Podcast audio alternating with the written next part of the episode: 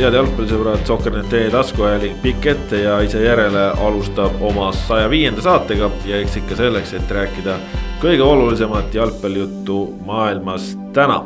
minu nimi Kaspar Ellissaar, minuga siin Kristjan Jaak Kangur.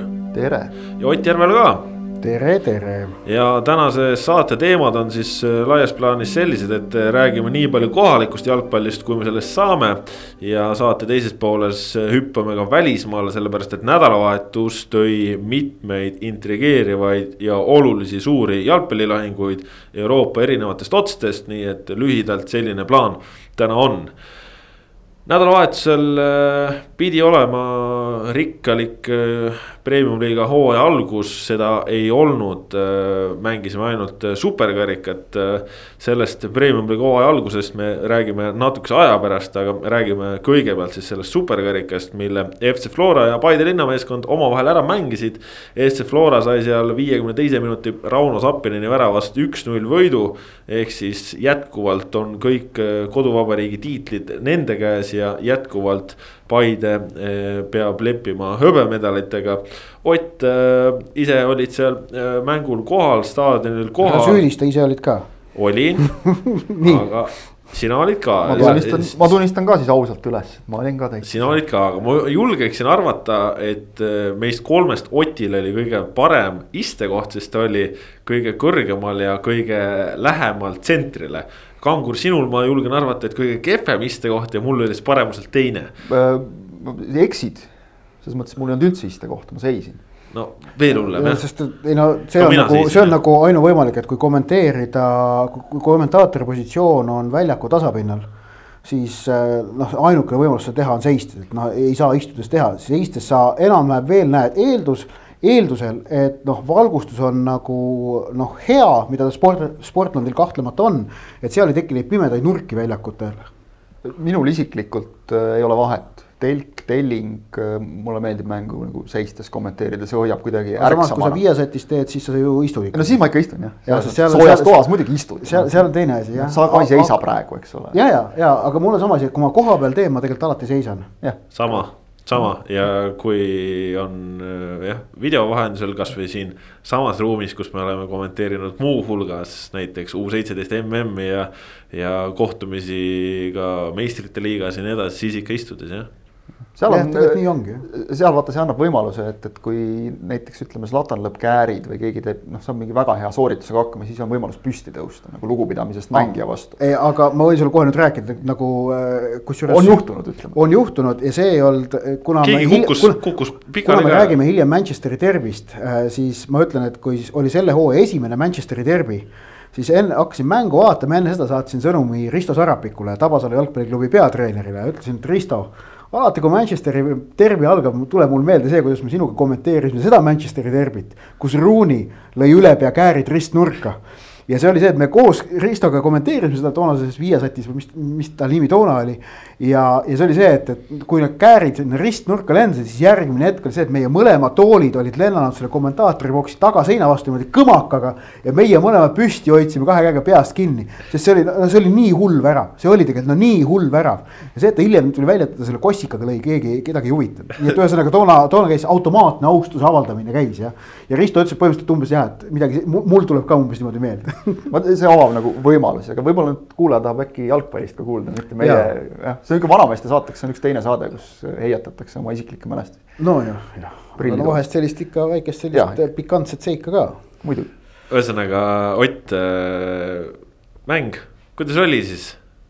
esimene selle tänavuse aasta.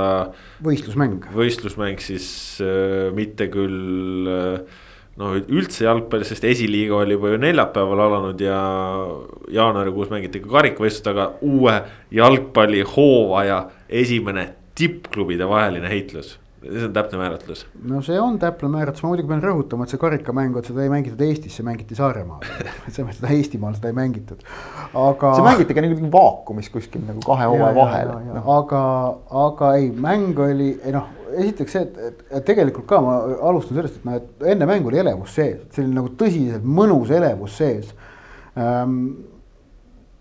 no see jah, seda jalgpalli on siin, ei saa ju öelda, et jalgpalli poleks olnud, et noh, talv otsa on saanud tahtmise korral vaadata treeningmänge, käia ka kohapeal ja, ja noh, telekast on tulnud nagu maailma tippjalgpalli igasugust ja mitmekesist ja, ja päris hea kvaliteediga, on ju.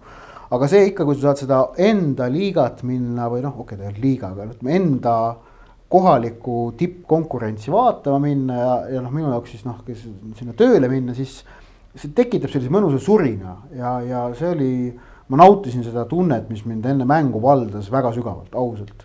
Ja mul on kahju kõikidest neist jalgpallisõpradest, kes ei saa seda ilmselt noh, veel niipea nautida, ilmselt no siin erinevate spetsialistidega rääkides, no parimal juhul maikuu keskel võib publikut tagasi staadionitele oodata, ilmselt isegi hiljem. Kristjan Jaak, see mäng ise vastas ta ootustele selles mõttes, et tavaliselt hooaja alguse esimesed mängud on ikka siuksed kangutamised, aga. aga nii palju, kui mulle endal tundus, vähemalt esimesel poolel hea tempokas lahing selles mõttes ütleme siis vastas lootustele, ei vastanud hirmudele. et ei olnud tegelikult selline noh, puujalgadega mehed jooksevad ringi. täitsa hea oli, ma ütleks, ikka tõesti, no, see tempo, mida me nägime, intensiivsus, mida me nägime, eriti esimesel poolel, teine poolega oli natuke teistsugune. aga no esimesel. esimesel just jah, alguses, et see kuidagi selline, mõlemad olid tulnud mängima nagu noh, sellist jalgpalli mängima, nagu me ikkagi tahame nagu mm, -hmm. näha palliga mängu, kõike seda. Flora võib-olla natukene kaitsvamalt kui Paide, Paide ei tulnud ka samas, nii nagu nad on siin eelmistel hooaegadel vahel alustanud suuri mänge nagu noh, nad ei tulnud tormama. mängiti loogiliselt, mängiti, ma ütleks nagu individuaalselt suhteliselt hästi, vähe praaki oli, arvestades siin kõiki olusid. Vähe treeningmänge, noh, Flora ei ole ka saanud teha kindlasti üldse loodetud ettevalmistust. Noh, kaks päeva jõudsid trenni teha enne mängu. jah, neil oli, eks ole, see, Paidel oli varem isolatsioon ja siis vähe kontrollmänge. kõike seda arvestades väga tipp-topp, tõsi küll, jah, pärast mängu hakkad nagu mõtlema, et mis meelde jääb, noh, Rauno Sappineni värav. palju seal nüüd neid selliseid tõeliselt nagu teravaid või häid momente oli, mitte väga palju. aga see hea näide sellest, et see polegi alati tähtis, et kui mängu üldine kvaliteet on hea siis jääb ja. nagu meelde kuidagi see, see võitlus, noh, see, et, et oli aru saada, et mõlemal on ikkagi midagi põhimõttelist ka mängus ja lisaks karikale Floral on vaja tõestada, et Eesti on endiselt meie ja roheline ja Paidel samas on vaja tõestada, et ega ikka ei ole küll. ja, ja kuidagi see, see kandus üle, noh, sellised individuaalsed duellid näiteks esimesel poolajal oli, oli võimalik kommentaatorina seal ühes väljaku servas olles üliäge oli vaadata vendasid Ojamaasid see oli, see oli, see ja te, teine poolaeg oli siis. meie jaoks. meie jaoks seal tribüünil oli seda võimalik näha ja see oli ikka äge, noh, seal ikka noh äh,, andmine oli ülikõva äh,. verbaalselt, no eriti Hindrek ei hoidnud ikka üldse tagasi Äh, ja, ja, ja Henrik äh, nähes, et äh, noorem vend on veidikene närvis, ikkagi nautis seda, et noorem vend on närvis, irvitas seal põhimõtteliselt noh. kulmineerus muidugi sellega, et, et kui karistusalas Henrik Ojamaa kellelegi hirmsa laksupiki jalgu annab, siis võid üsna kindel olla, vend oli Ja. oli. aga selle mängu üldise pildi juurde tagasi tulles, siis ma ütlen ühelt poolt, et see mäng ei olnud ju mitte ühestki otsast kinnine, mitte kordagi samas me ei näinud, see oli, see oli avatud jalgpall, samas me ei näinud tõesti palju momente, mis minu meelest äh, räägib jällegi selle mängu arvestatavast, et mitte öelda kõrgest tasemest äh,. et mõlemad võistkonnad mängisid avatud jalgpalli, aga äh, selle, seejuures suutsid olla ka võistkondliku kaitsemänguga piisavalt efektiivsed, et mitte tekitada paanikat äh, või, või noh, tekitada, lubada enda väraval palju olukordi mõlemad mängisid positiivset jalgpalli äh, ja jällegi, aga me ei näinud väga palju võimalusi, sellepärast et mõlemad olid ka ütleme kaitsemängus distsiplineeritud. see on kõrge tipptasemel mängu tunnusmärk. kui me vaatame Euroopa tippjalgpalli neid kõige oodatumaid mänge noh, näiteks Premier League on ju sel hooajal silma paistnud selle poolest, et on päris palju tippude omavahelisi mänge on jäänud kas null-null või noh, olnud sellised ikkagi noh ettevaatlikud. kindlasti ettevaatlikud. ja aga, aga, aga ma ütleks ettevaatlikud, et seal ka ise, isegi seal, kui emb-kumb ei pargi bussi ei mängi kinniselt, siis, siis just lihtsalt selle nagu võistkondliku kvaliteediga suudetakse vastase täiesti adekvaatsed rünnakud ära nullida ja see nagu ongi tippude omavahelises mängus sageli juhtub. me nägime seda ka nüüd siin, et see on tõsi muidugi Eesti tase. aga see oli vaieldamatult see mäng äh, äh, vedas välja selle tiitli tippmäng, ja, ja tegelikult, kui, kui mõelda, siis sellistes kohtumistes äh, tihtipeale need äh, teravad või, või äkilisemad momendid võivadki tulla kellegi individuaalse meisterlikkuse pealt. no mulle, kui ma selle mängu peale mõtlen võimaluste peale, mulle kohe meenub see olukord, kus Sergei Mošnikov tuli äh, keskvälja sügavusest pika sööduga, maast sööduga leidis Anieri, Anier väga hästi jättis talle tagasi, Mošnikov sai siis selle noh, tekkis suurepärane moment lüüa, otsustas veel sööta teibisele, söötis palju out'i on ju. aga noh, see tuli ka, et seal oli nagu natukene geniaalsust nende söötudega, see, kuidas Anier jättis, ta vabastas kohe oma kaaslased, see oli hea, siis mulle meenub kohe, kuidas öö, Ojamaa, Henrik siis antud juhul ja Vassiljev mängisid omavahel söötudega väga hästi kokku. tuleb kohe sihuke moment meelde et noh, sellised üksikud hetked ja samas teistpidi et äh, noh, näiteks Teibis, kes äh, Paide poolelt oleks pidanud ka neid äh, teravusi ja äkilusi tekitama. Ta ei suutnud, siis Kristo Hussar neutraliseeris ta ja selle arvel, selle arvelt jäi neid momente sündima. Teibis, Teibis oli ikka mängu suurim pettumus. raske on tekitada olukordi, kui sa istud terve mängu teise mehe taskus. väga keeruline on ju. Teibis oli, ma arvan, mängu suurim pettumus. nõus Äh, et ikkagi noh, tuletan meelde, ta oli eelmise hooaja lõpus, ta oli Paide ridades, ta oli äss ja ta oli, ta oli noh, pidev oht. Ja nüüd kaheksateist aastane äärekaitsja, varasem premium-liiga kogemus, üks algkoosseisu mängija kaks korda vahetusest ja no tegelikult võttis Davisi kinni. ja esimene poolega ühe korra eksis tema vastu. Äh, ja pära- ja, ja aga tegelikult noh, muu ajal oli kinni yeah.. mulle meeldis jubedalt meeldis kuidagi oma nagu stiili poolest äh, Hussari kommentaar pärast mängu sulle, et et jah, ühe korra põlesin, aga siis. Tegin, tegin korrek-. tegin korrektuurid ja sain hakkama. selline hea nagu selline noh, küps analüüs mängijalt endalt ka, et jah, põlesin selles olukorras, aga noh, tuli teha järeldused, tegin korras. no räägime natuke mängust selle nurga alt ka veel, et esimesel poolel äh, mina ütleksin, et pigem nagu Paide oli ikkagi grammi võrra oli paremini selles kohtumises sees Äh, mitte, et seal oleks olnud suurt vahet, aga no gramm tundus mulle, et pigem oli Paide paremini.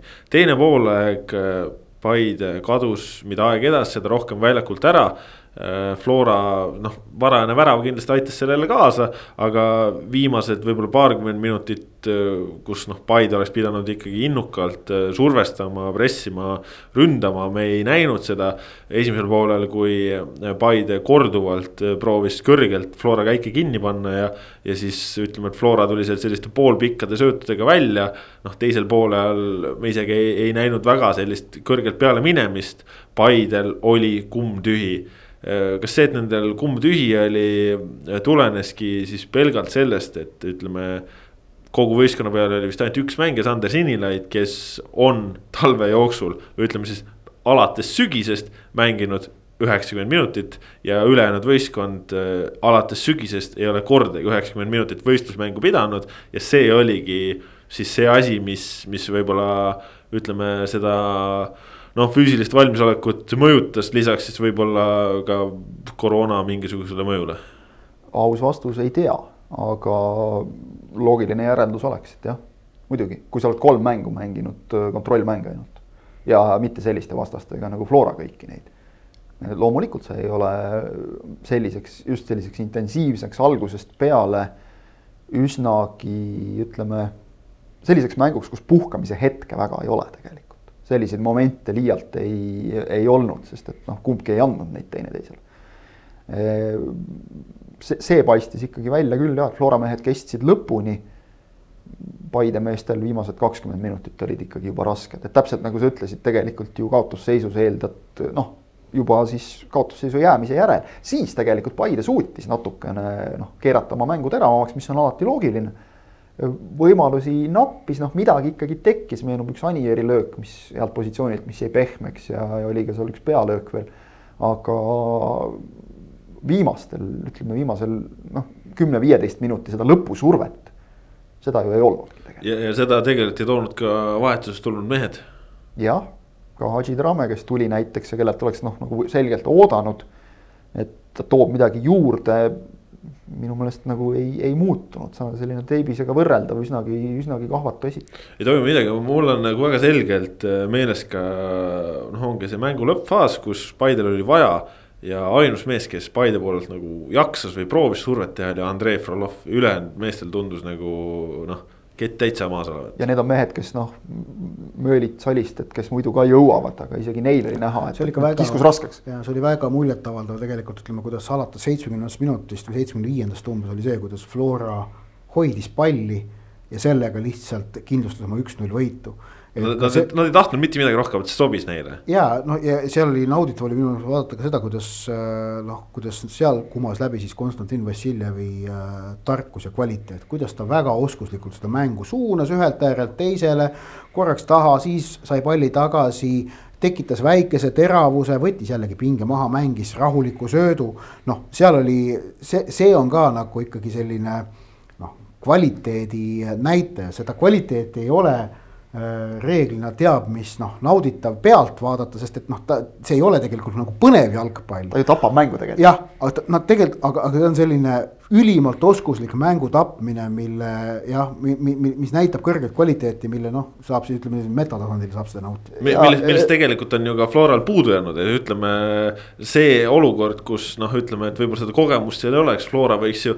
lendabki hurraaga, lendab peale, taga ongi tühi ja, ja lüüaksegi vastu ära, nii et selles mõttes nagu. see, see kogemus seal väljakul, seda oli näha ja seda oli tõesti tunda. et see on äge, kui nagu mäng, meeskonnad oskavad mängida kaitsvalt, samas noh, nagu kaotamata ära täiesti hästi oma rünnakut. sellest kaitsemängust maailma jalgpallist, äh, Premier League'ist on hea näide tuua Liverpooli ja Chelsea mäng, kus Chelsea teisel poolajal keskendus selgelt samamoodi üks-null edu hoidmisele. aga vaadata, mismoodi seal tegid täpselt samasugust sellist, kas dirigendi või dispetšeri tööd äh, Jorginho ja N'Golo Kante. see on nüüd see oskus nagu vahel vaadata jalgpalli selle nurga alt, et vaata lihtsalt, mida üks mees teeb mm. -hmm. või mida mingil positsioonil tehakse ja kuidas sealt nagu tegelikult kontrollitakse mängu. et see avab, avab nagu hoopis, hoopis teise mõõtme, et jah, muidu võid vaadata, et noh, Flora nagu väga rünnakule ei lähe ja Paidel ka rünnata ei lase ja ei ole jama, eks ole, aga, aga selle nurga alt põnev mäng ja kui hakata mõtlema, et noh see tegelikult see kõik sellised asjad nagu ka arendavad ju mängijaid. absoluutselt, selles mõttes noh, selle Flora mängu lõpu võib küll kokku võtta sellega, et mis on parim kaitse parim kaitse on see, et ära anna vastasele palli lihtsalt ja, ja nad ei andnud ja. ja noh, see oli jah, selline omamoodi seik seal muidugi äh,. oleks tahtnud võib-olla natukene Paide poolt ikkagi näha seda särtsu ja teravust seal, et oleks huvitavamaks läinud veel lõpp, aga noh, see selleks äh,. mehed, kellest tuleb superkarika raames rääkida, on äh, kaks Florakat Rocco Robert Shane ja Kristo Hussar. Ott, sa ise suhtlesid ka mõlema mehega matši järel noh, me olime seal tribüüni peal üsna ühel nõul, Hussar tegi ikkagi silmapaistva esitluse ja Shane mängis ka väga tublilt, ütleme ansamblist välja ei langenud. Äh, ma ütleks natuke rohkem, kui et ansamblist välja ei langenud, see on nagu selline, täitis koha ära, ma ütleks, ma ütleks natukene kiitvama hinnangu äh, tema kohta annaksin, aga, aga ja, et ähm, noh vaata, see on alati on meeldiv, no mis, kuidas, mis, kuidas ma Facebookis kirjutasin ka, kui ma seda lugu postitasin, et. et spordiajakirjaniku ameti üks nauditavamaid hetki on, kui saad teha intervjuu noore sportlasega, kes on teinud just noh, oma elu, elu tähtsaima või parima mängu. ja kahtlemata noh, Shane'i jaoks see kahtlemata oli, et noh, ta, ta on varem kõrgliigas viisteist minutit mänginud, ta mängis superkarika finaalis, ta sai kuldmedali. tal oli väga suur vastutus, ta mängis Eestis tippvõistkonna vastu ja noh, tegi hea mängu ja noh, Hussaril okei okay,, kogemust on natukene rohkem, aga laias laastus temal ka, et ta pole nii kaalukas mängus varem kaasa teinud. ja mõlemad noh, näha oli, mõlemad olid elevil, olid elevil äh, noh, selline seesmine, põlemine oli äh, ma mõtlen, tuleb natukene meelde kahe aasta tagune superkarika finaal, kui Nõmme Kalju võitis Levadiat, pärast toda mängu oli, oli samamoodi põles Alex-Mattias Tamm kes tolles mängus, ma ei mäleta, kas ta värava lõi, aga ta oli seal olulises rollis, vist lõi äkki isegi värava. äkki ikka lõi jah? minu meelest lõi küll. äkki isegi lõi mitu või? ei, tal minu arust lõi ühe ja okay. oli teises oluline osaline. okei okay,, võib-olla nii jah, võib-olla nii et, et ja, ja noh, sellised noh, neid, neid hetki õnneks on nagu enda karjääri, spordiajakirjaniku karjääri jooksul veel olnud, need on väga vägevad hetked. Äh, noh, muudavad enda ameti nauditavaks ja siis noh, see rõõm nende noorte noh, selle tuhina ja õhina üle on, on, on väga suur. ja nüüd äh, on, on siis nüüd edasi huvitav jälgida kahtlemata, kuidas Shane ja Hussar, aga tegelikult ka Markus Sepik, et noh, kelle, kelle ma sealt sellest oma artiklist jätsin nagu välja, sest noh, tal on ikkagi ütleme noh, tal, tal on nagu kogemust ikkagi kraad rohkem, no paar, paar kraadi rohkem, ta on ikkagi välisklubisse juba kuulunud, tõsi küll, noortevõistkonda koondise laagris käinud, A-koondise omas. et aga, aga noh, tegelikult suuremas plaanis mahutub ta jällegi samasse pilti ka Shane'i ja Hussariga, et et nii-öelda noh, ikkagi alla kahekümne aastane mängija, kes pandi suures mängus põhikoosseisu ja no vedas väga hästi välja. et tuletan meelde, et Sepiku, Sepik pidi selles mängus siis konkureerima noh, Henry Anieriga. Premium-liiga kõige kogenuma ründajaga, ütleme siis niimoodi ja, ja, ja noh, see võib-olla, et need mehed seal hakkama said, näitab mingi nurga alt ka ka võib-olla selle Flora nagu tööd selles pildis, et Krista Hussar siis liitus Floraga eelmisel aastal Tabasalust äh, aasta aega. ta roll mängude mõttes oli olematu, ta ei kandnud premium-liigas mingisugustki raskust. aga aasta aega treeninguid sel tasemel siis ongi, sul on eest on keegi kas vigastuste või, või muudel põhjustel ära langenud. Sul avaneb see võimalus ja sa kasutad selle ära ja, ja ma arvan, see illustreerib natukene seda, seda Flora mõttemalli ja seda tegutsemist, et kui me aasta tagasi mõtlesime, et miks sul on kuskilt Tabasalust vaja mingi Kristo Usser tuua. siis nüüd aasta aega hiljem me kõik saame aru, miks seda oli vaja ja me näeme, kui kasulik käik see nende jaoks on olnud. tuleb meelde veel ka näiteks äh, halliturniiri mängust Danil Kuraksin ühes mängus, kus isegi Jürgen Henn ütles pärast, et noh, ma arvasin, et ta saab hakkama, aga ta nii hästi hakkama saab. Ja noh, ka okei okay,, kontrollmäng kontrollmänguks, aga, aga siin on seesama asi, mida näiteks Leegion rääkinud, et meie poisid ei karda. see on ju põhiline. võimalus hakata seal Teibise vastu jalga väristama on, ütleme noh, arvestatav. Hussar ei teinud. suur isegi. suur isegi võiks öelda jah, Hussar ei teinud seda. või mängida keskväljal nagu Shane mängis, kus sul on seal vastas on Frolov ja Možnikov ja noh, Mööl ka, eks ole, veel, kes kogu aeg ka traageldab üles-alla oma sealt alumise poolkaitse positsioonilt. võiks ju ka nagu mõelda, et kuidas ma siin nüüd saan ja mis, ei. minu meelest see näitab seda, et äh, ülitähtis on, on see, et, et klubi töötaks nagu klubi, mitte nagu esindusmeeskond. ehk et äh, Flora duubel mängib suures plaanis nii, nagu Flora mängib äh,. seda räägivad ju kõik, kes on kuskil ka noh, välisklubides olnud, et noored siis just ma mõtlen, et öö, oluline on see, et, et sa saaksid aru, kuidas tegutseb esindusmeeskond ja trennides, noortemeeskonna trennides tegutsetakse samamoodi. kas mitte Maksim Baskotši ei rääkinud nüüd sama juttu just täpselt, Tottenhami noortemeeskond mängib samamoodi, see tundub ju tegelikult nii loogiline, et sellest ei ole vaja üldse nagu rääkidagi. sama suunda ju tegelikult noh, on hakanud siin võtma kasvõi seesama Paide, eks ole, kellel on noh, nagu need treeninggrupid natukene segatud, et, et ongi nagu väga raske öelda, et need on nüüd esinduse mehed, need on duublimehed, et, et no.. no mitte natuke segatud no,, vaid nagu ongi, ongi üks. jah, üks, eks ole, just ja sama, sama suunda ma saan aru, et noh, tahab siin veel mõni Eesti tippklubi võtta, et. Nõmme Kalju. just, et igati loogiline. ütleme näiteks Nõmme Kalju, noh, need mured, et nagu alt ei tule noori peale, need olekski just sellega lahendatavad. väga tervitatav, et sellest on aru saadud, selleni jõutud, et see on tegelikult see põhjus, miks need Flora noored poisid, noh mulle ikka naljalt nagu ei meenu, et, et oleks keegi nagu alt üles tulnud, nii et ta ei saa hakkama nüüd.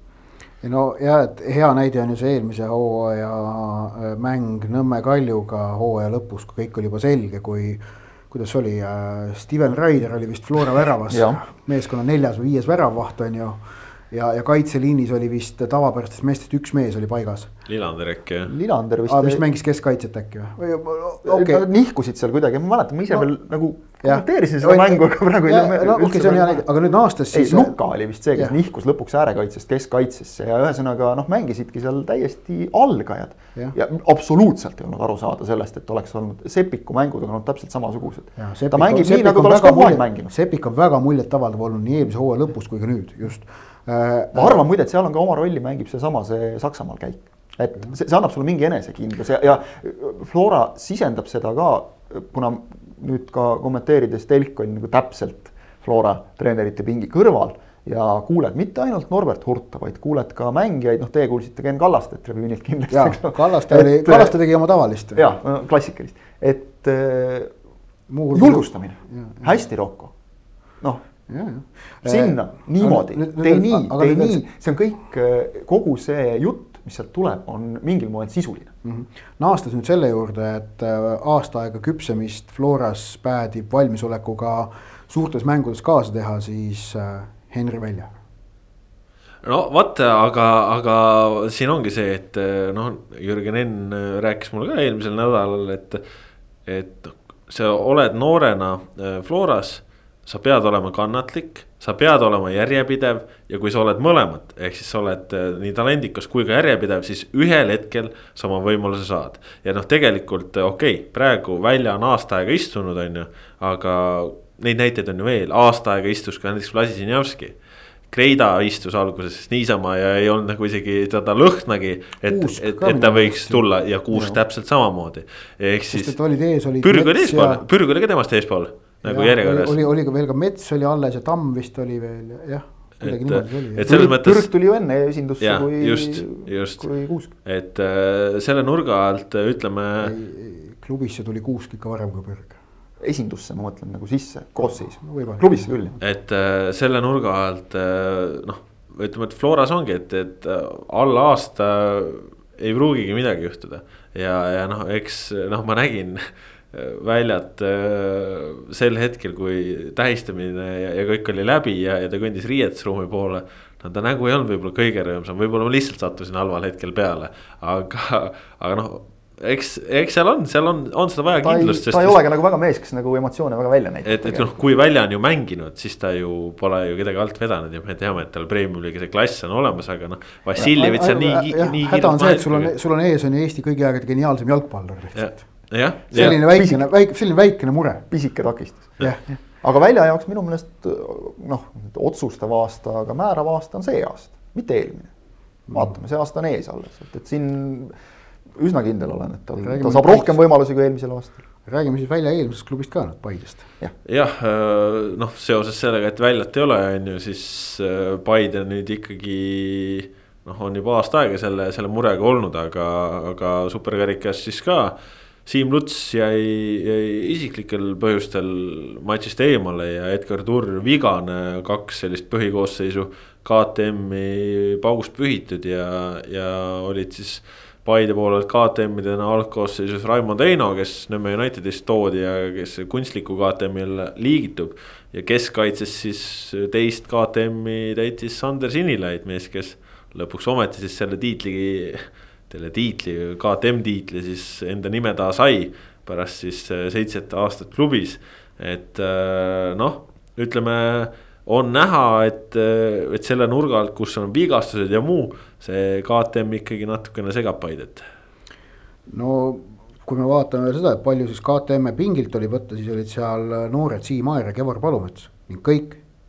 Eh, ehk et kui me vaatame jah, ikkagi seda nüüd Paide, Paide olukorda KTM rindel, siis noh, Siim Lutsu naasmine oleks muidugi väga vajalik et see lihtsalt seda valikut suurendaks, aga noh, suur küsimus on ikkagi see, et mis on Kristjan Peldi staatus võistkonnas, et kui me vaatame seda, et ta ei pääsenud superkarika finaaliks isegi mitte koosseisu. aga ta siis kas päev või kaks hiljem esiliigas mängis. siis äh, kas ongi niimoodi, et ta on keskkaitsjate pingereas langenud klubis viimaseks ja tahapoole veel ka Sander Sinilaidu. Äh, ehk et Abdul Jussif Razik, ma usun, on noh, number üks praegu noh ja seal on no ma arvan, Konda on number üks. okei okay,, noh, kui ta, see uus, uus me-, noh yeah., meestest, keda me näinud oleme mängimas. Okei okay,, see uus mees oli Kana. Kana jah. Kana, Kana mees, siis on see Razik, siis on meil Martin Kase ja nüüd on siis noh, kas Ander Sinilaid paistab, et on eespool Kristjan Pelti, kelle äh, ütleme, kes oli eelmise hooaja keskel, tuli väga suurte lootustega tegelikult või noh, tuli.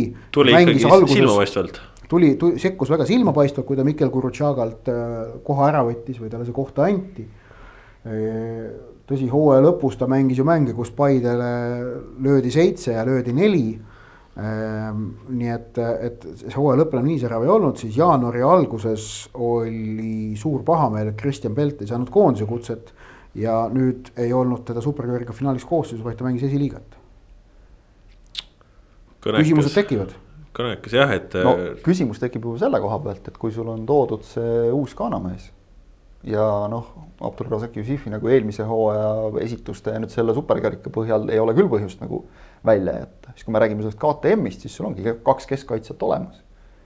Ükskõik, kas Pelt on seal kolmas või siis ma ei tea, Kase ja Sinilaiu järel viies, eks ole, või kahekümne seitsmes, seal ei ole vahet. kui ta algkoosseisu ei kuulu, siis ta ei kuulu siin. ehk et äh, noh, selles mõttes nagu probleem. ja see on nüüd see koht, kus minule isiklikult käib see KTM reegel nagu selles mõttes natukene vastu. et ma saan aru selle taga olevatest nagu headest ideedest. Edgar kõigest- ka vigastunud, selle me muidugi unustasime mainimata, just. ma mainisin ise seda Ah, jah, enne vabandust. tema ka, eks ole, aga, aga noh. Paidet nagu praegu natukene karistatakse nagu mille eest, tekib küsimus. et Paides ju, selle, selle mõte on nagu see, et klubid kasvataksid noori mängijaid peale. no Paides nagu pigem nagu ei ole probleemi sellega. Duubel, eks ole, tõusis nüüd ka esiliigasse ja, ja sealt nagu tuleb, töö käib, süstemaatiline töö käib, see klubi nagu ise areneb, mitte ainult esindusmeeskond, vaid ka klubina noh, infrad, kõik asjad, eks ole, see võtab aega loomulikult. Paide see suund ka peab ju nagu arvestama, et, et kuidas noh, et klubi ei, Paidel on läinud hästi, et, et nende presidendil on võimalik nagu rahaliselt neid, neisse panustada korralikult ja tal läheb, ütleme praegu rõhutame äriliselt hästi, sest eriti praeguses maailmas ei ole midagi kindlat. see on täiesti loomulik ja normaalne ja mõistlik ja tark isegi, et Paide on leidnud endale selle välismängijate, noorte mängijate siia toomise ja edasimüümise näol noh, lisasissetuleku allika, see võimaldab nagu tunda ennast tuleviku suhtes veel kindlamalt. paratamatult need mängijad sul peavad mängima selleks, et neid oleks võimalik arendada, muidu poleks neid mõtet siia tuuagi üldse. Et kõik see kokku nagu pannes, noh siis ongi see, et, et noh, mis, mis see KTM nagu annab, et, et noh, oleks ta Eestis treenitud mängija reegel. minu jaoks nagu natukene see, see nagu nu- nullib selle KTM-i, noh ta, muudab ikkagi selle KTM reegli piduriks nagu natuke, ma saan aru, et teatud noh, teatud ütleme klubide ja võib-olla isegi klubi juhtide puhul tuleb noh, nagu natukene hoida seda piitsa nii-öelda käes ja õhus nagu veidikene ähvardavalt, sest noh, muidu on see, et eh, toome aga kuskilt mingeid keskpäraseid välismängijaid võistkonna täis ja, ja siis mängime aasta-aasta kaupa niimoodi ja noored mehed ei saa peale, eks ole, ja noortega tööd ei tee. ma ütleks, et noh, see, mis me enne rääkisime just sellest nagu, et, et loogiliselt klubi areneb siis, kui on süsteem ja nagu läbivalt, mitte ainult esindusmeeskond kes nagu tahab seda teha ja saab mõistusega aru, et see on jätkusuutlik, see teeb seda. Kes ei no- taha, see ei tee niikuinii Selles- nii., sa ei pane nagu käskude ja käskude ja keeldudega nagu ka tegema teda. ei no kui me vaatame Premiumi liiga koosseisu, käsud ja keelud on vajalikud, et tekitada võrdne konkurents. aga kui me vaatame Premiumi liiga Nõus. koosseisu, siis tegelikult Noh. ju. mitme tahuga küsimus. suurem osa satse ju mängitavad igas mängus oluliselt rohkem kui kahte KTM-i, mis Jaa. on, mis on kohustused, see polegi nagu paljude jaoks pole probleem, aga see ongi Probleem on ka, ka- kaks klubi endiselt, Paide ja Kalju, kelle puhul see nagu noh. jääb kuidagi ette, on ju, aga, aga noh, mujal see ei ole ju küsimus ka no vot, ma nagu Paide puhul vaatangi just nagu seda, jah, esiteks on see, et, et ta on noh, nagu selles mõttes mõttetu juba natukene. Paide puhul ongi nagu see, et, et noh, neil, nad ju teevad noortetööd ja nad kasvatavad nagu Eesti mängijaid, et noh. Needsamad peldid, eks ole, neile antakse võimalusi ka esindusmeeskonnas, et, et siin ma arvan, Kevvar Palumetsa näiteks saab sel aastal mingeid, mingeid mänge, okei okay,, noh, ta on. ei no peldi osas, peldi aga... osas on nüüd, no vaatame, kas ta saab esinduses sel hooajal äh, võimalusi. huviga nüüd jälgime, sest et noh, esimesed märgid on ikkagi päris kurjakuulutavad, et ta on võistkonnas keskkaitsjate hierarhias kohal number viis. ja no eelmisel aastal ju ka. mitte neli, vaid viis. pool aastat ju ei saanud ka ühtegi võimalust ja see oli ka üllatav, sest enne seda ta oli ju mänginud. ja, ja, ja. et selles mõttes ei, huvitav seis on ja, ja tore on, et on huvitavaid asju no, ka, mida jälgida. Paide, Paide muidugi keskkaitsjate olukord võib laheneda sellega, et nad tahavad äkki Jussif Razaki juba suvises üleminekuaknas äh, müüa. või siis noh, raha eest välja laenata, et noh, müügid on praegu väga keerulised olnud. See oleks nagu loogiline samm jah, et pool aastat oli, kui teeb nüüd veel pool head hooaega, siis juba saaks. aga see probleem kui selline ilmselt jääb veel natukeseks ajaks õhku, ma arvan. ei no kahtlemata jääb. selle noh, Turri ja Lutsu paranemine leevendaks koheselt väga jah palju kõike. see tõmbaski mured maha, aga Turriga ilmselt läheb veel aega ja, ja noh, Luts, eks näeme siis, kuidas, kuidas temaga on, et äh, on ta või ta ei ole ja, ja noh. Ütleme nii, et äh, hädavariandina siis äh, Mattias Sapp väravasse ja kui mujalt väljaku pealt ei taha ei taha KTM-i kohta ära röövida, et praegu need KTM-id on äärtele on koondunud, et Heino siis ju ka. sihuke ääreründaja, Turr ääreründaja, Luts ääreründaja, et äh, noh. Siimaer kaitsesse oleks ka võtta, aga ega sa seal Ojamaad niimoodi ka istuma ei jäta ja. jah, ja Sinilait, eks ole, noh jällegi, kes, kes talle nüüd koha peaks keskväljal vabaks tegema, et mm. Mööl just pandi No alumise poolkaitse rolli ja teeb seal head tööd. ja Frolov ja. Mošnikovi noh, ei, ei võta. ei, keskvälja nad ei taha puutuda, noh see no Mööl, Mööl, Frolov, Mošnikov, kolmik on, ju sisse töötatud. et noh, see on seda ju- ei taheta lõhkuda.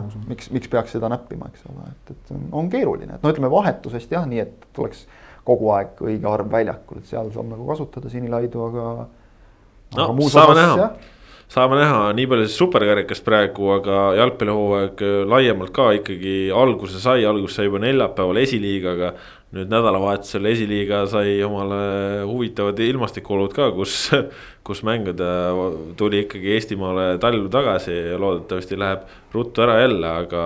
aga noh, selle kõrval nüüd kogu see liiga hooaja algus siin lükkub ja lükkub üks mees siin mingis saates garanteeris nagu, et, et lumi on läinud selleks ja selleks. aga oligi, oligi ju, mina ütlesin. tõsi, me, järgmistest kuupäevadest me ei rääkinud. no selles, selles ma, ma lubasin teile, et kui märtsikuu on käes, siis on lumi läinud ja lumi oligi läinud, nii et selles mõttes võite usaldada küll. ei tõsi jah, seda me ei võtnud üles, et kas ta nagu siis kaks päeva hiljem tagasi tuleb et see. see oli, aga lumi läks ju ikkagi rekordiliselt kiirelt see aasta, nii et selles mõttes mulle on ikka väga raske praegu ette heitida ja selles valdkonnas. ei, kindlasti, kindlasti aga. ma olen ikkagi kunagi Vigala sassil ka külas käinud, ma ikka mingid no, ennustuse. ei muidugi, ma saan aru, et sa ei pane puusalt, sul on ikkagi taust ja teadmine. absoluutselt. aga noh, see on see risk, et, et kui meil on vedanud paar aastat tegelikult äh, ilmaga lihtsalt märtsis, siis noh, seekord ei, mõnes mängus ei vedanud mängijatel, et noh, see on jälle lihtsalt see, et palju see nüüd nagu jalgpalli meenutas, seal küll rohkem püstijäämisega tuli tegeleda. räägime siis esiliigast praegu. ja, ja noh, jah et ma ei tea, saad nagu harjutada, kuidas Tallinna tänavatel liigelda, aga kas, kas nüüd jalgpallimäng peaks seda eesmärki tea-, täitma, ei ole päris kindel. aga. ei no lumega mängitakse igal pool, see no, mängitakse Türgis, mängitakse Norras. ja, ja see selleks, aga lihtsalt nagu ka see, et, et kas meie väljakud nagu selle välja kannatavad, et ma saan aru, et noh, Pärnus on veidike muresid, eks ole, leebelt öeldes ja, ja noh, see, see loogika, et hakkame nagu ees minema ja infra tuleb järele, see nagu praegu ei ole väga hästi veel toiminud, aga lihtsalt loodame, et siis nüüd paari aastaga saab korda, et. et, et noh, on ka tõesti siis kunstmurud, mida klubidel ei ole nagu üle jõu altkütet, millel sisse lülitada ja nii edasi. no see on praegu ikka väga üle jõu jah ja., aga noh, lumi lumeks mängud said mängitud, aga üks asi, mis ei lase ikka mängida, on, on koroona ja ja kui meil siin nädalavahetuse voor lükkus edasi seoses isolatsioonidega ja lootsime, et siis homsest hakkab ikkagi uuesti pihta, siis ikka veel ei hakka, et üha enam tuleb neid uusi satse, kes isolatsiooni lähevad ja. ja hakkame no. sedasi ühel hetkel üldse selle liigaga pihta või? ei no eks ta mingil hetkel algab, aga noh, nii lihtne või keeruline see olukord ongi, et tuleb elada päeva kaupa kunagi ei tea, mis homne päev toob ja, ja need mängud võivad ära jääda väga lühikese etteteatamisega.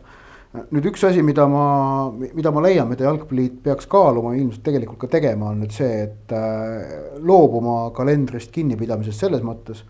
et kui näiteks ühel nädalavahetusel või voorus jäävad ära kaks mängu äh,. sellepärast, et mõlemast satsist üks on, üks on, mõlemast mängust üks võistkond on isolatsioonis siis lihtsalt tuimalt need kaks ülejäänud satsi omavahel tol, tollel nädalavahetusel või tollel ajal mängima panna, mängida kalendrist eest üks mäng ära. et seda peaks nüüd tegema, et, et võimalikult palju võistkondi mängima panna.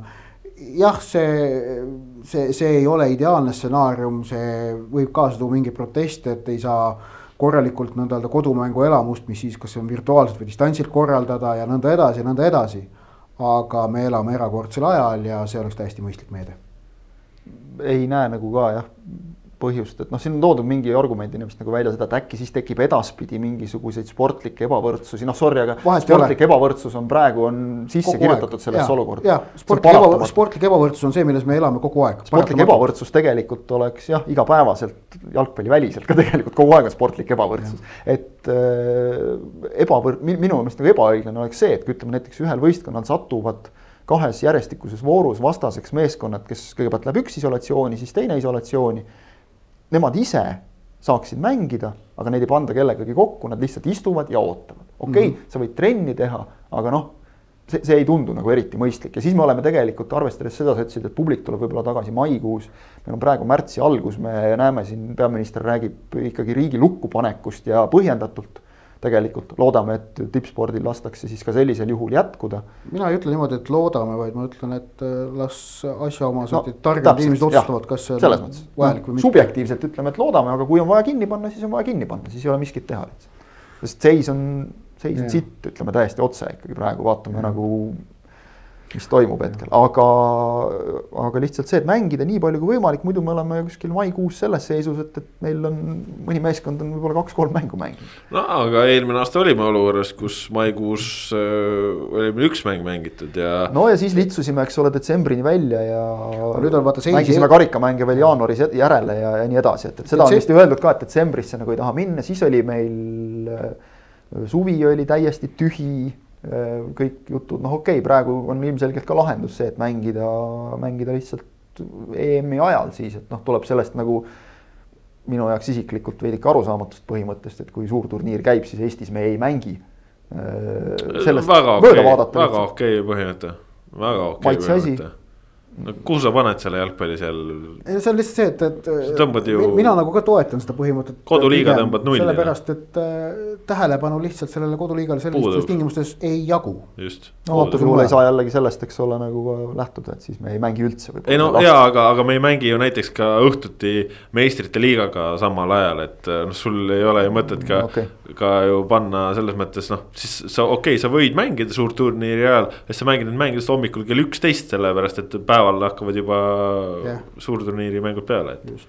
no äh, teisi riike vaatan siis nagu seal jagub seda tähelepanu ka kohati ikkagi jalgpallile ka, aga. tehakse okay. pausid ikkagi suurturniiride ajal. pigem on ju pause, sest väga palju antakse ju ka koondistesse mängijaid ja, ja nii edasi aga, aga mis puudutab noh, mis nagu on oluline vahe eelmise aastaga, et kui me eelmine aasta tegime pausi ja maikuus jätkasime siis äh, kui praegu peaks sama juhtuma, siis enamikes teistes riikides praegu sedasama ei juhtu sellepärast et Eesti on praegu koroonaga Euroopas noh, number üks-kaks koos Tšehhiga. ehk et äh, kui mullune koroonapaus ei pannud Eesti jalgpallureid või jalgpallivõistkondi rahvusvahelises kontekstis äh, halvemasse seisu, siis praegu koroonapaus äh, jalgpallivõistlustel seda kahtlemata teeks.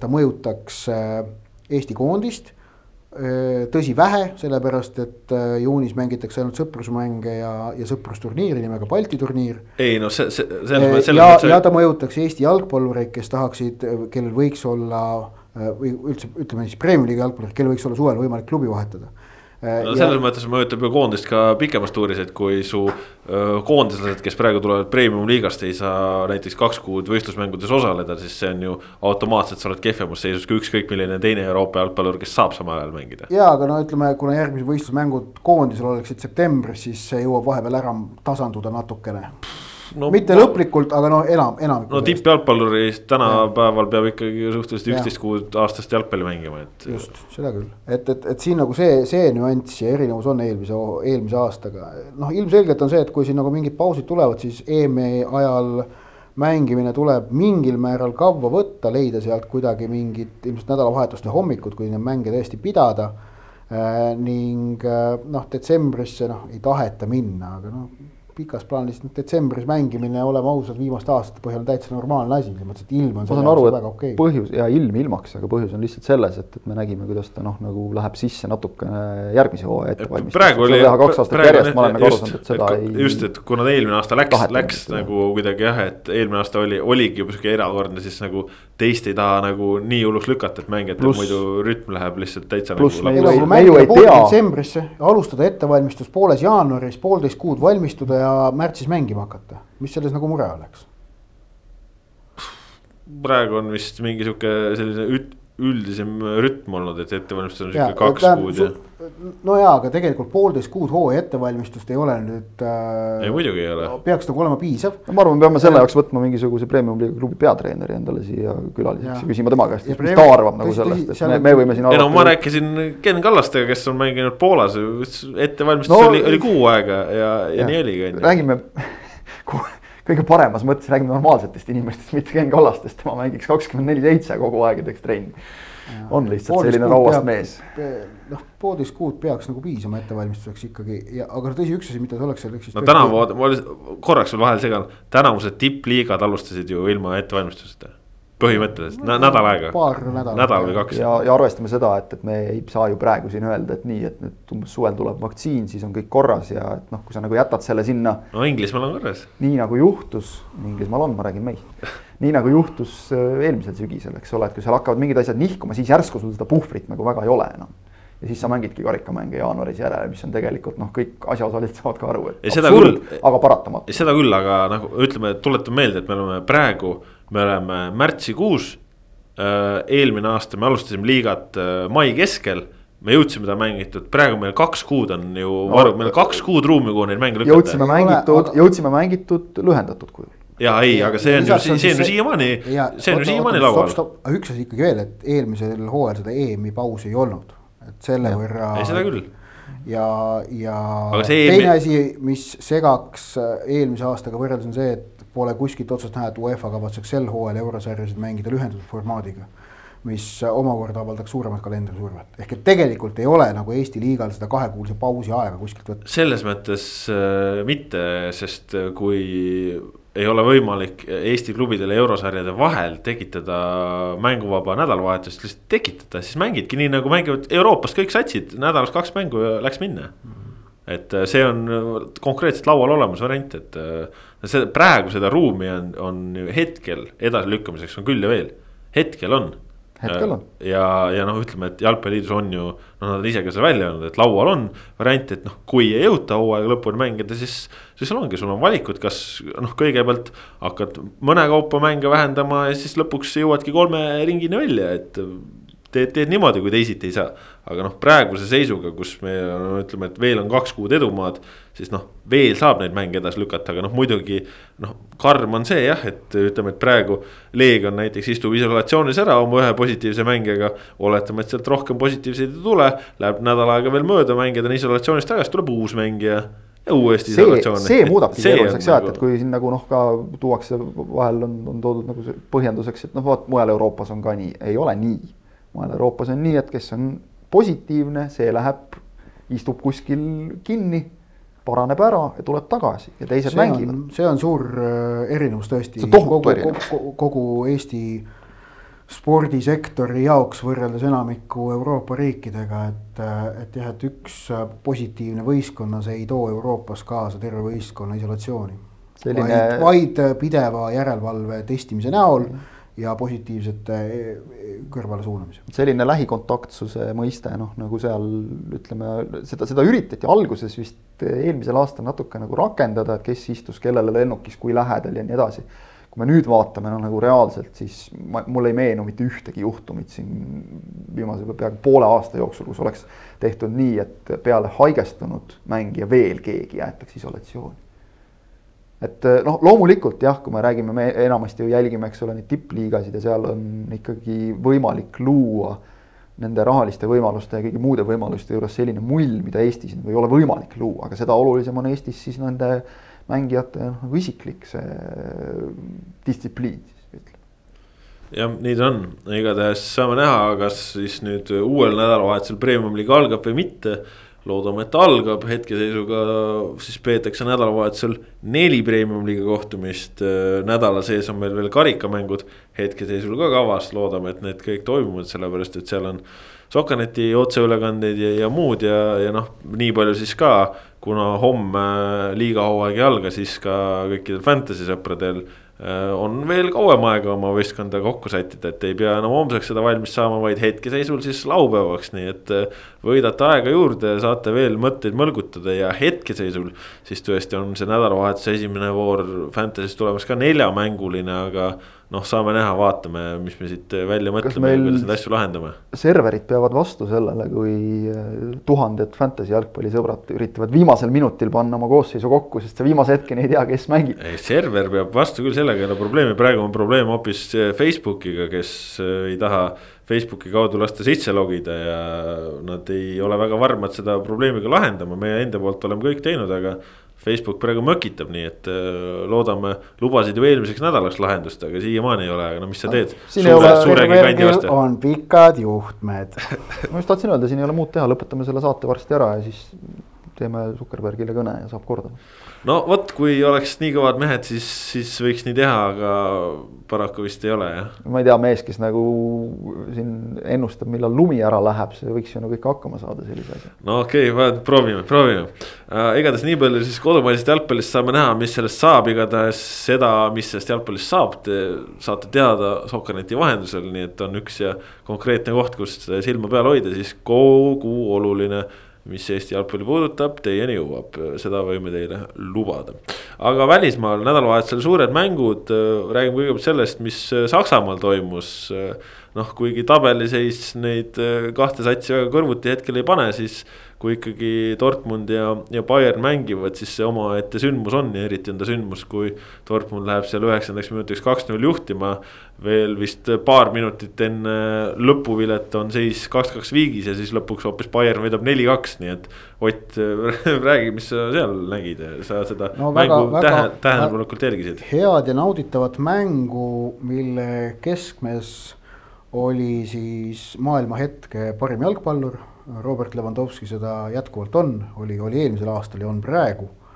Äh, noh, säärane stabiilsus, mida ta on suutnud näidata, see on ikkagi fenomenaalne, et mis tal on Bundesliga-s sel hooajal kahekümne kolme mänguga kolmkümmend üks väravat. ja noh, ma arvan, et on aus öelda, et Bundesliga-s on mõnevõrra hõlpsam väravaid lüüa äkki kui äh, La Ligas või Premier League'is, kuigi noh, see on väga selline libedal jääl väide aga ennekõike minu jaoks nagu see Levanovski fenomeni võtab kokku see, et ta, ta ükskõik, tal on, tal on üliharva on tal kehv päev. et kui nagu ikkagi on tähtis mäng, ta lööb alati. ja nüüd olukorras tõesti, kus sa jääd kodus Borussia vastu null kaks kiirelt taga ja no, no šokk täielik ja tema vedas selle satsi sealt välja, tema lõi need väravad ära. jah, üks oli penaltist, üks oli tap-in, aga sa pead need asjad ära tegema ja ta teeb need asjad ära sellise kindlusega. ja siis lõpus lõi, lõi selle neli-kahe ka ära, okei okay,, kolm-kaks värav tuli Koretskalt, on ju. aga, aga noh, et Levanovski fenomen, teiseks ma nägin ikkagi Haalandi fenomeni, see plahvatuslikkus, mis selles mehes peitub. Äh, noh, see on fenomenaalne, ta ja, ja äge on vaadata seda, et noh, kui nagu juba praegu võib tekitada selliseid mõnusaid äh, mõttemänge, et äh, Mbappe ja Haaland on äkki need mehed, kes hakkavad nüüd kahe tuhande kahekümnendaid maailma jalgpallis kujundama, vormima, domineerima. siis äh, sarnaselt nii nagu Messi ja Ronaldo olid ikkagi küll noh, ühtemoodi fenomenaalsed, aga erinevat tüüpi mängijad, siis ka Mbappe ja Haalandi ütleme noh, stiilid on ikkagi erinevad, on ju, et noh, Haalandil on seda võimsust, Mbappél on rohkem elegantsi, ma ütleksin, on ju. et, et. kuigi see... mõlema puhul on väga suur trump ka ikkagi kiirus. jaa, see on neil mõlemal olemas, aga, aga jah, et noh, kui niimoodi otsida vastandamismomente. et seda kõike. ma ütleks, et Mbappé no, mäng on nagu selline voolav, Haalandil on raiuv. et on omamoodi, mõlemat on nagu omamoodi äge vaadata, see ongi hea, et nad on erinevad aga nad on, on, on üsna erinevad. jah, jah, nõus ja, ja aga üldiselt nägi siis seda, et noh, et äh, Bayern on selgelt ikkagi haavatav, aga nad on ka väga kiiresti taastumisvõimelised ma arvan seda, et, et äh, Bayern on haavatav, noh, see, et nad äh, niisuguseid asju läbi lubavad nagu Borussia mängus. see on halb märk ja, ja arvestades nende viimase pooleteist kuu vormi, siis tegelikult noh, neid asju on juhtunud neil Bundesliga's rohkem. Ma ütleks terve selle hooaja jooksul ikkagi kogu aeg siin kaotusseisu Vahepeal... jäänud ja noh, aga, aga jälle raske aeg. Jäädakse taha, võetakse võit ära, vahepeal oli jälle Leipzigi ees oli vahe siin ju mingi viis-kuus punkti, et eh, noh, nad ikkagi nagu hoiavad ohje enda käes. no just, just, just, aga nüüd on jälle kaks punkti, et eh, eks näis, eh, kuidas sellest välja tuleb, et noh, Leipzig hiljutise Mönchengladbachi vastu see kolm-kaks võit, noh nüüd selles voorus lihtsam võit vist Freiburgi üle. Ehm, Leipzig kindlasti haistab võimalust ning Leipzig ilmselt kukub on ju meistrite liigast välja, kui nad Liverpooli vastu Budapestis väikest imet ei tee mis muidugi Liverpooli praegust vormi arvestades ei ole maailma kõige võimatum asi äh,. siis Leipzig saab ka keskenduda veel rohkem, on ju, kodusele rindele ja, ja see oleks äge. aga jah, et, et näitas ühelt poolt Bayerni haavatavust ja teiselt nende võimsust. selline mäng, kummaline. ma võtaks, mul tuli pähe lause lihtsalt, et Haaland ja Levanovski siis äh, tsiteeriks ühte tundmatuks jääda soovivat äh, Eesti tippjalgpallurit kes olla ennast väljakul ühes mänguolukorras äh, veidikene vähem kogenud.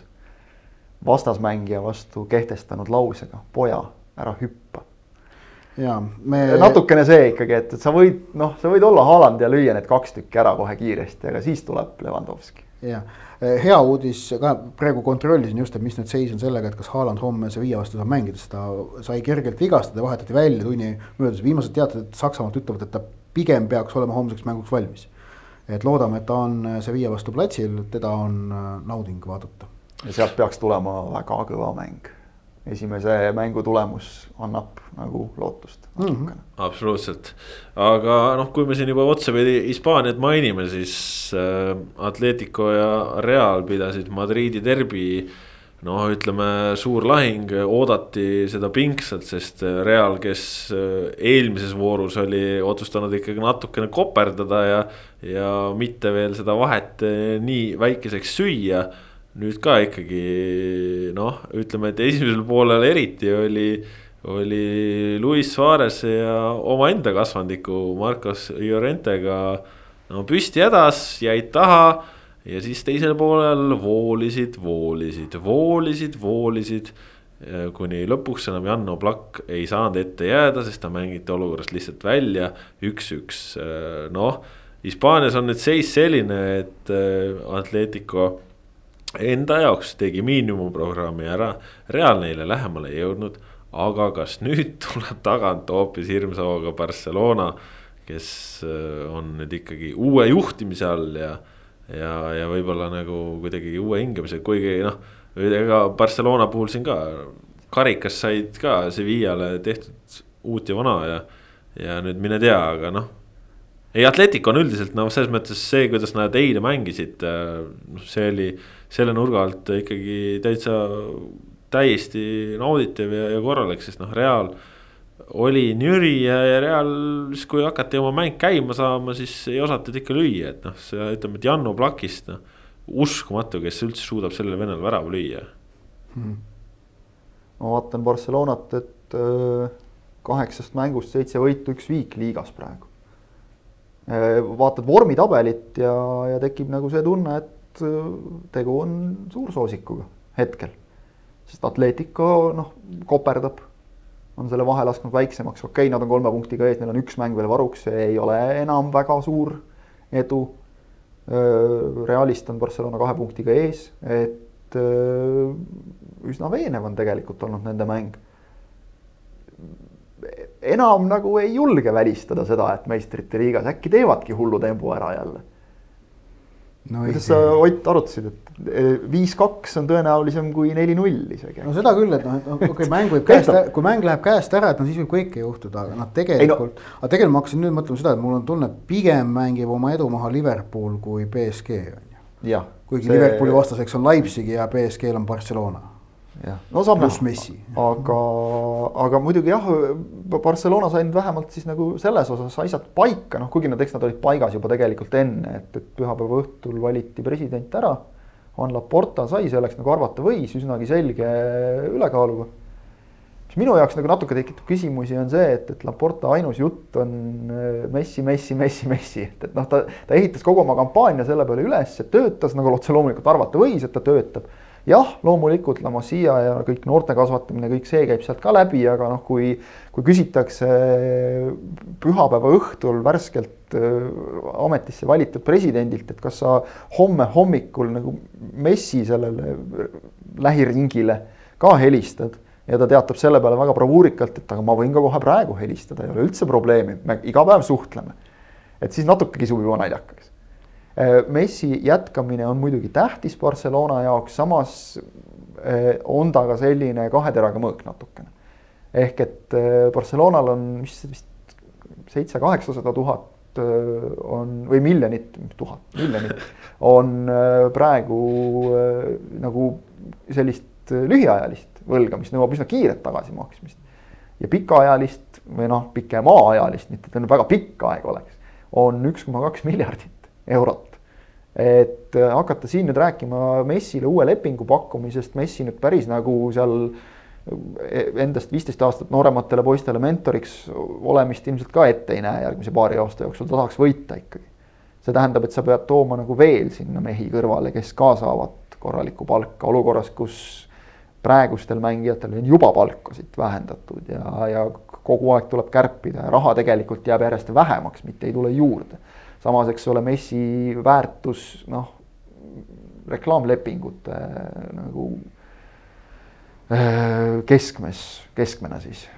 Et, et kõik, kõik see ei, ei kadesta selles mõttes Juan Laportat üldse, et ta peab kuidagi seal nüüd täitma oma lubadused, aga samas samas on ju tegelikult pall on täiesti nagu Messi väljaku poolel, et näha nagu selles, et Messi käis koos pojaga nüüd äh, Camp Nou'l hääletamas telekaamerate ees nagu mingit, mida ta juba üritas ka väljendada, kui mingit märki Messi tohutust pühendumisest Barcelona perekonnale.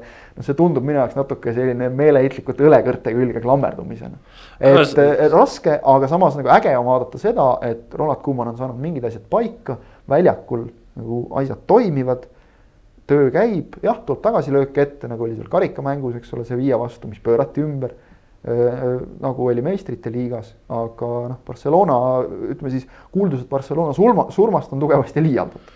liialdatud küll, aga kui ma tegelikult seda praegu juttu kuulasin, siis ma mõtlesin, et seal ikkagi vist ikkagi vist see kevadel on ka veel ikka päris palju neid sekeldamisi ja asjaajamisi ja Messi ümber, nii et ma ikka arvan, et Atletico praegu jääb veel Hispaanias kulla soosikuks, sest noh. see kasvõi kuidas nad Reali vastu mängisid, nad pole ammu ikka nagu nii hästi Realile vastu saanud, et noh, mingi esimene pool mängust oli ikkagi Real nagu noh, täitsa võimetu, ei, suutnudki midagi teha, et muidugi Realil on see räme Laatsaret ja nii edasi ja.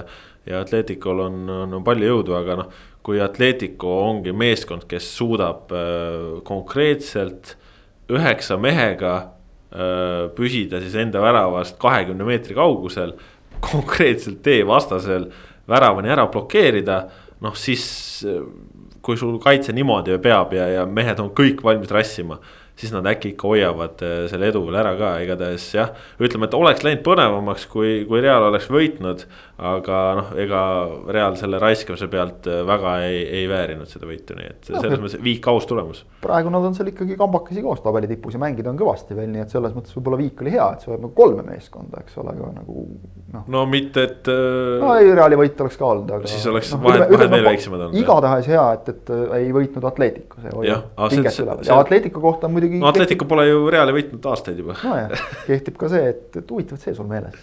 täitsa. see püsib jah. jah, veidral kombel püsib, eks. aga ütles Diego Simeone ka, et, et mis te siis nüüd nagu arvasite reaalselt, et me võidame kõik mängud või et me ei lase endale üldse väravaid lüüa, et noh, kõikidel tippklubidel on sel aastal mõõnad, kellel noh, käib nagu laineharjal niimoodi üles-alla, kellel, eks ole, on, on no, langus ja siis tõus kellel on tõus ja siis langus, jah, me läheme kohe edasi Liverpooli juurde jutuga. aga noh, ütleme, et üks-üks no, viik Real Madridiga ei ole eriline möön ka ega langus, nii et. no ja, ja arvestades, et sa kaks minutit enne lõppu olid nagu võidus kinni eks ole, et, et siis on ju kõik nagu tipp-topp, et ei, ma mõtlen just praegu seda üles-alla natukene yeah. kõikumist, et neil on seal läinud imelikes mängudes punktid mm. ära, et see tulemus on normaalne, aga noh, et nad on päris hea edu ikkagi noh, suure osa sellest nagu käest andnud jah, see tähendab, et on ainult huvitav ja huvitavamaks grammi võrra läks asi ka Inglismaal, mitte küll oluliselt, sellepärast et Manchester City juhib Manchester Unitedi eest tabelis endiselt võimsalt.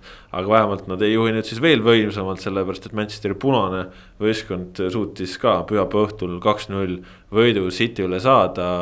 Siim Juks kindlasti ei ole väga rõõmus, aga Ott Järvela, mida sulle see mäng näitas?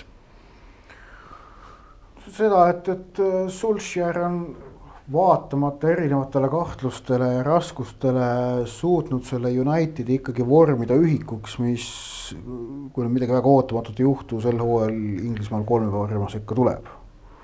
Äh, et, et sealt nad nagu välja ei kuku, noh tiitlile nad ei mängi, see on selge, Cityl on üksteist punkti edu ja kümme mängu on on äh, hooaja lõpuni minna, noh seda kokkukukkumist nagu City poolt ei ole kuskilt otsast näha ja noh, et see, et nad selle ühe mängu siia nüüd kaotasid, kahekümne ühe mängulise võiduseeria lõpetuseks, noh. see nagu ei näita minu meelest suurt väga olulist midagi, et see kaotus millalgi pidi kuskilt tulema, noh tuli seekord Unitedilt lihtsalt. jah, seal on kergelt ebameeldiv City jaoks asjaolu, et nüüd kaks hooaega järjest liigamängud on on olnud niimoodi, et nad pole ühtegi võitu saanud, enamgi veel, et eelmine hooaeg tegi United duubli, tänavu siis viik ja, viik ja võit aga no jällegi, see on kosmeetika, et see ei ole mingi suures plaanis olukord. City poole pealt noh, De Bruyne'l oli väga kehv päev ja, ja seekord sellest võib öelda, et äkki piisas, et City sellist mängu halvata. et tavaliselt, kui, kui De Bruyne'l on kehv päev, nad leiavad mingi muu variandi, seekord väga ei leidnud. Gabriel Jesus jäi ees nõrgaks et noh, Sergio Aguero. seevastu tegi otsustavaid liigutusi vastasega või oma no, karistusalas. seda küll ja tegi selle lollaka penalti seal on ju, aga noh, eelkõige ma mõtlen tema ründepanus, et see jäi nõrgaks. tegelikult ka ääred Sterling, Sterling ja, ja Mares ei saanud Van Bissakale ja Shaw'le vastu seekord, et noh. tegelikult United oligi sel päeval lihtsalt parem. juhtus see, mis Unitedile kõige paremini sobib, selle Jussi lollaka vea tõttu ära antud penalti vist saja esimesel sekundil juba Bruno Fernandes lõi selle sisse, see võimaldas Unitedil mängida täpselt sellist mängu, nagu neile meeldib mängida. eriti sellistes mängudes selliste vastaste vastu. väga hea analüüs äh, oli tehtud, ei ole jõudnud sellesse veel süveneda, aga kuidas, ja see näitab Sulcheri treeneri tarkust, kuidas ta hammustas lahti või noh, mis seal hammustada, kõik teavad seda, aga raske on selle vastu tegutseda, mängijatelt nõuab ka head distsipliini, aga kasutas ära selle, et äh, Man City pressib kõrgelt ja selleks tuleb mängida noh, muidugi piisavalt hästi, kui sa tagant hakkad lühikese sööduga tulema. aga võib-olla kõige parem näide oli kaks-null värav. Dean Hendersoni äh, väljavise käega, väga hea vise Luke Shaw'le, kes ääre peal sai palli, võttis selle hästi omaks, jooksis sellega sirgjooneliselt vastase karistusalani. mängis söötu Markus Rashfordiga, sai palli tagasi, lõi ära. ehk äh, need tänapäeva nüüd viimaste aastate moesena need üleminekud kiired üleminekud kaitsest rünnakusse, kui sa pressid kõrgelt, paratamatult kuskile jäävad tühjad kohad. United tõmbas ääred laiali, äärekaitsjad äh, kasutasid neid väga hästi ära, tõusid ise vajadusel rünnakule. hea mängu tegi ka Antoni Martial tipus ja noh, kui sul siis on nagu piisavalt paljudes väljaku positsioonides mehi, kes suudavad teravust teha, Bruno Fernandes keskel niikuinii ja palli kiirelt liigutada, siis sul tekib selle vastu äh, võimalus ja Sulcher nägi ära, et see on haavatav koht Man Cityl, kasutas selle ära. ma olen jah Otiga nõus, et, et Manchester United ei ole, ei olegi nagu meeskond, kes võiks tiitlile mängida praegu, seal on selleks liiga palju nagu logisevaid kohti veel. aga arvestades, kus oldi, ütleme aasta tagasi, on selge küpseb. areng. see küpseb jah. see küpseb ja sinna on vaja veel, ütleme mõnda, noh, minu, minu isiklikul hinnangul oleks vaja nagu kaitseliini liidrit, Harry Maguire seda ei ole. sellest võib ilmselt mingeid pikemaid eeposeid kirjutada ja, ja arutada, et on või mitte, noh, minu isiklikul hinnangul ei ole. tal puudub mingisugune teatav selline, kas, kas nagu aura või, või võime siis olla, ta nagu üritab olla, aga ta ei ole tegelikult. ehk et äh, see, see võib klikkida nii nagu klikkis Bruno Fernandese toomisega järsku ründemäng, nii võib ka hakata toimima kaitsemäng aga noh, siin oli ka see, et, et oli, oli Unitedil ka vaja natukene tõestada midagi, eks see motivatsioon oli ka nagu laes mm.. Derby niikuinii. ja, ja see, et, et nüüd Cityl tõesti siin ühe korra libastumine sisse tuli selle tohutult tiheda mängude graafiku juures. me oleme sellest juba mitu korda rääkinud, et selle edu juures nende siht on meistrite liiga, see on täiesti selge ja. ja neil on kaks karikasarja ka, kus nad veel konkurentsis on. et, et Guardiola on nagu väga noh roteerinud siin noh ikka juhtub ja, ja see mõõnast on ju asi kaugel. erinevalt. erinevalt Liverpoolist, kelle, keda lahutab siis nüüd Manchester Cityst kakskümmend kaks punkti liigatabelis ja väljakukkumistsoon on kõigest seitsmeteistkümne punkti kaugusel. kõnekad faktid, äh, tervitused siit ka Rasmus Voolaidile, kes täna oma vaba päeva naudib, nii et tulevad ja. ka helgemad ajad võib-olla? ei tulevad, olid juba ju no,. palju okay. siis vaja on nüüd? Kolmkümmend aastat on nüüd jälle oodata vaja ja ei, aga tegelikult ei, aga, no, jälle hakkame ennast kordama, aga noh, Kloppil juhtus laias laastus sama asi ka äh, Borussias. mingil hetkel pärast hiilgavaid hooaegi sai hoog otsa ja ei taastunudki enam. ja teine asi on see, et tegelikult me näeme seda nagu Euroopa jalgpallis mujal ka, et äh, võrratus hoos olevad võistkonnad äh, iga paari-kolme, kui, kui nad kaks-kolm aastat järjest on väga head olnud, siis, siis tuleb mingi mõõn mõned erandid on, aga tegelikult peaaegu kõikidel see tuleb no,. seesama imeline. erandid on olnud Bayern ja Juventus tegelikult. seesama imeline Barcelona ju tegelikult ka, kui lagunes ühel hetkel, siis üsna kiiresti püsisid tipus natukene kauem võib-olla mm, -hmm. kui, kui, kui nagu muidu see tavapärane kahe-kolmeaastane tsükkel. aga siis mingil hetkel hammustati asjad lahti ja siis lagunes kõik laiali. no samas. Liverpooli puhul äh, selles mõttes tuleb Kloppi tunnustada, et ta proovis midagi uut seekord. Ta proovis Fulhami vastu äh, palju nüüd noortega. et seda on ette heidetud, et ta mängitab seal poolkaitsjaid keskkaitses ja noortele keskkaitsjatele võimalust ei anna. nüüd ta proovis, noh, Fulham, kes on mänginud tegelikult väga ilusat jalgpalli ja, ja kelle kaitse muide on äh, olnud selle hooaja lõikes parem kui Liverpoolil nüüd on siis, nüüd peaks olema väravatega, sisse lastud väravatega nii, et Liverpoolil on kolmkümmend kuus ja, ja ta, tabelis tagant kolmandal kohal oleval Fulamil on kolmkümmend kolm. ehk et sellisel imelikul ajal elan, aga polnud nagu kahtlust, nad tulid mängima äh, julgelt. keegi ütles väga hästi, see on inglise keeles seletatav, eesti keeles see ei ole nagu nii hea, ütleme siis nagu suure või väikese algustähega, et, et äh, Fulham tuli mõttega, et neil on vastas ööl Liverpool mitte the Liverpool. see on see, mis kadus näiteks paugu pealt ära Manchester Unitedil, kui Sir Alex Ferguson läks, et Old Traffordile tuldi mängima kartlikult. oli hirm, mis nad meiega teevad. no Liverpoolil kogu United, kogu United tekitas toona aukartust. ja see oli suuresti põhines Fergusoni isikul, et see on nüüd, see on nüüd kadunud ära, Jamie Carragher'i väga nagu tabav lause jällegi, et kui te olite nagu vaimsed nii-öelda koletised, monsters oli see sõna, Kloppi enda väljend tohutu enesekindlus mm. -hmm. siis Mental nüüd. oli, oli see Mentality Monsters? Mentality Monsters jah, just mm, -hmm. et äh, väga hea väljend iseenesest. et nüüd äh, kasutas Carragher väljendit mentality midgets ehk siis kääbused, kogu mm -hmm. see enesekindlus, kõik on kadunud. Trent Alexander-Arnold ei ole muutunud äh, kümme korda kehvemaks jalgpalluriks üleöö, aga ometigi annab ta viimastel minutitel sööte vastase jalale olukorras, kus kolme-nelja nagu meest ei ole lähedal ka, et, et noh, see väga, väga põnev on jälle vaadata, kuidas sellest välja tullakse. sest et meistrite liigas tahaks ju Liverpool ikka mängida.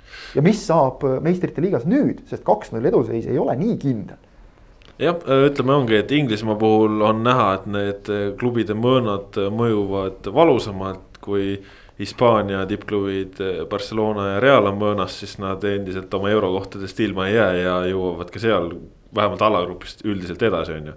et äh, seal see vahe on, aga saame siis näha, mida see jalgpallinädal meile toob, meistrite liiga tõesti edasi läheb, Eesti maa karikavõistlused võib-olla ootavad meid, äh, kui hästi läheb premium liiga, võib-olla ootab meid esiliiga, võib-olla ootab meid.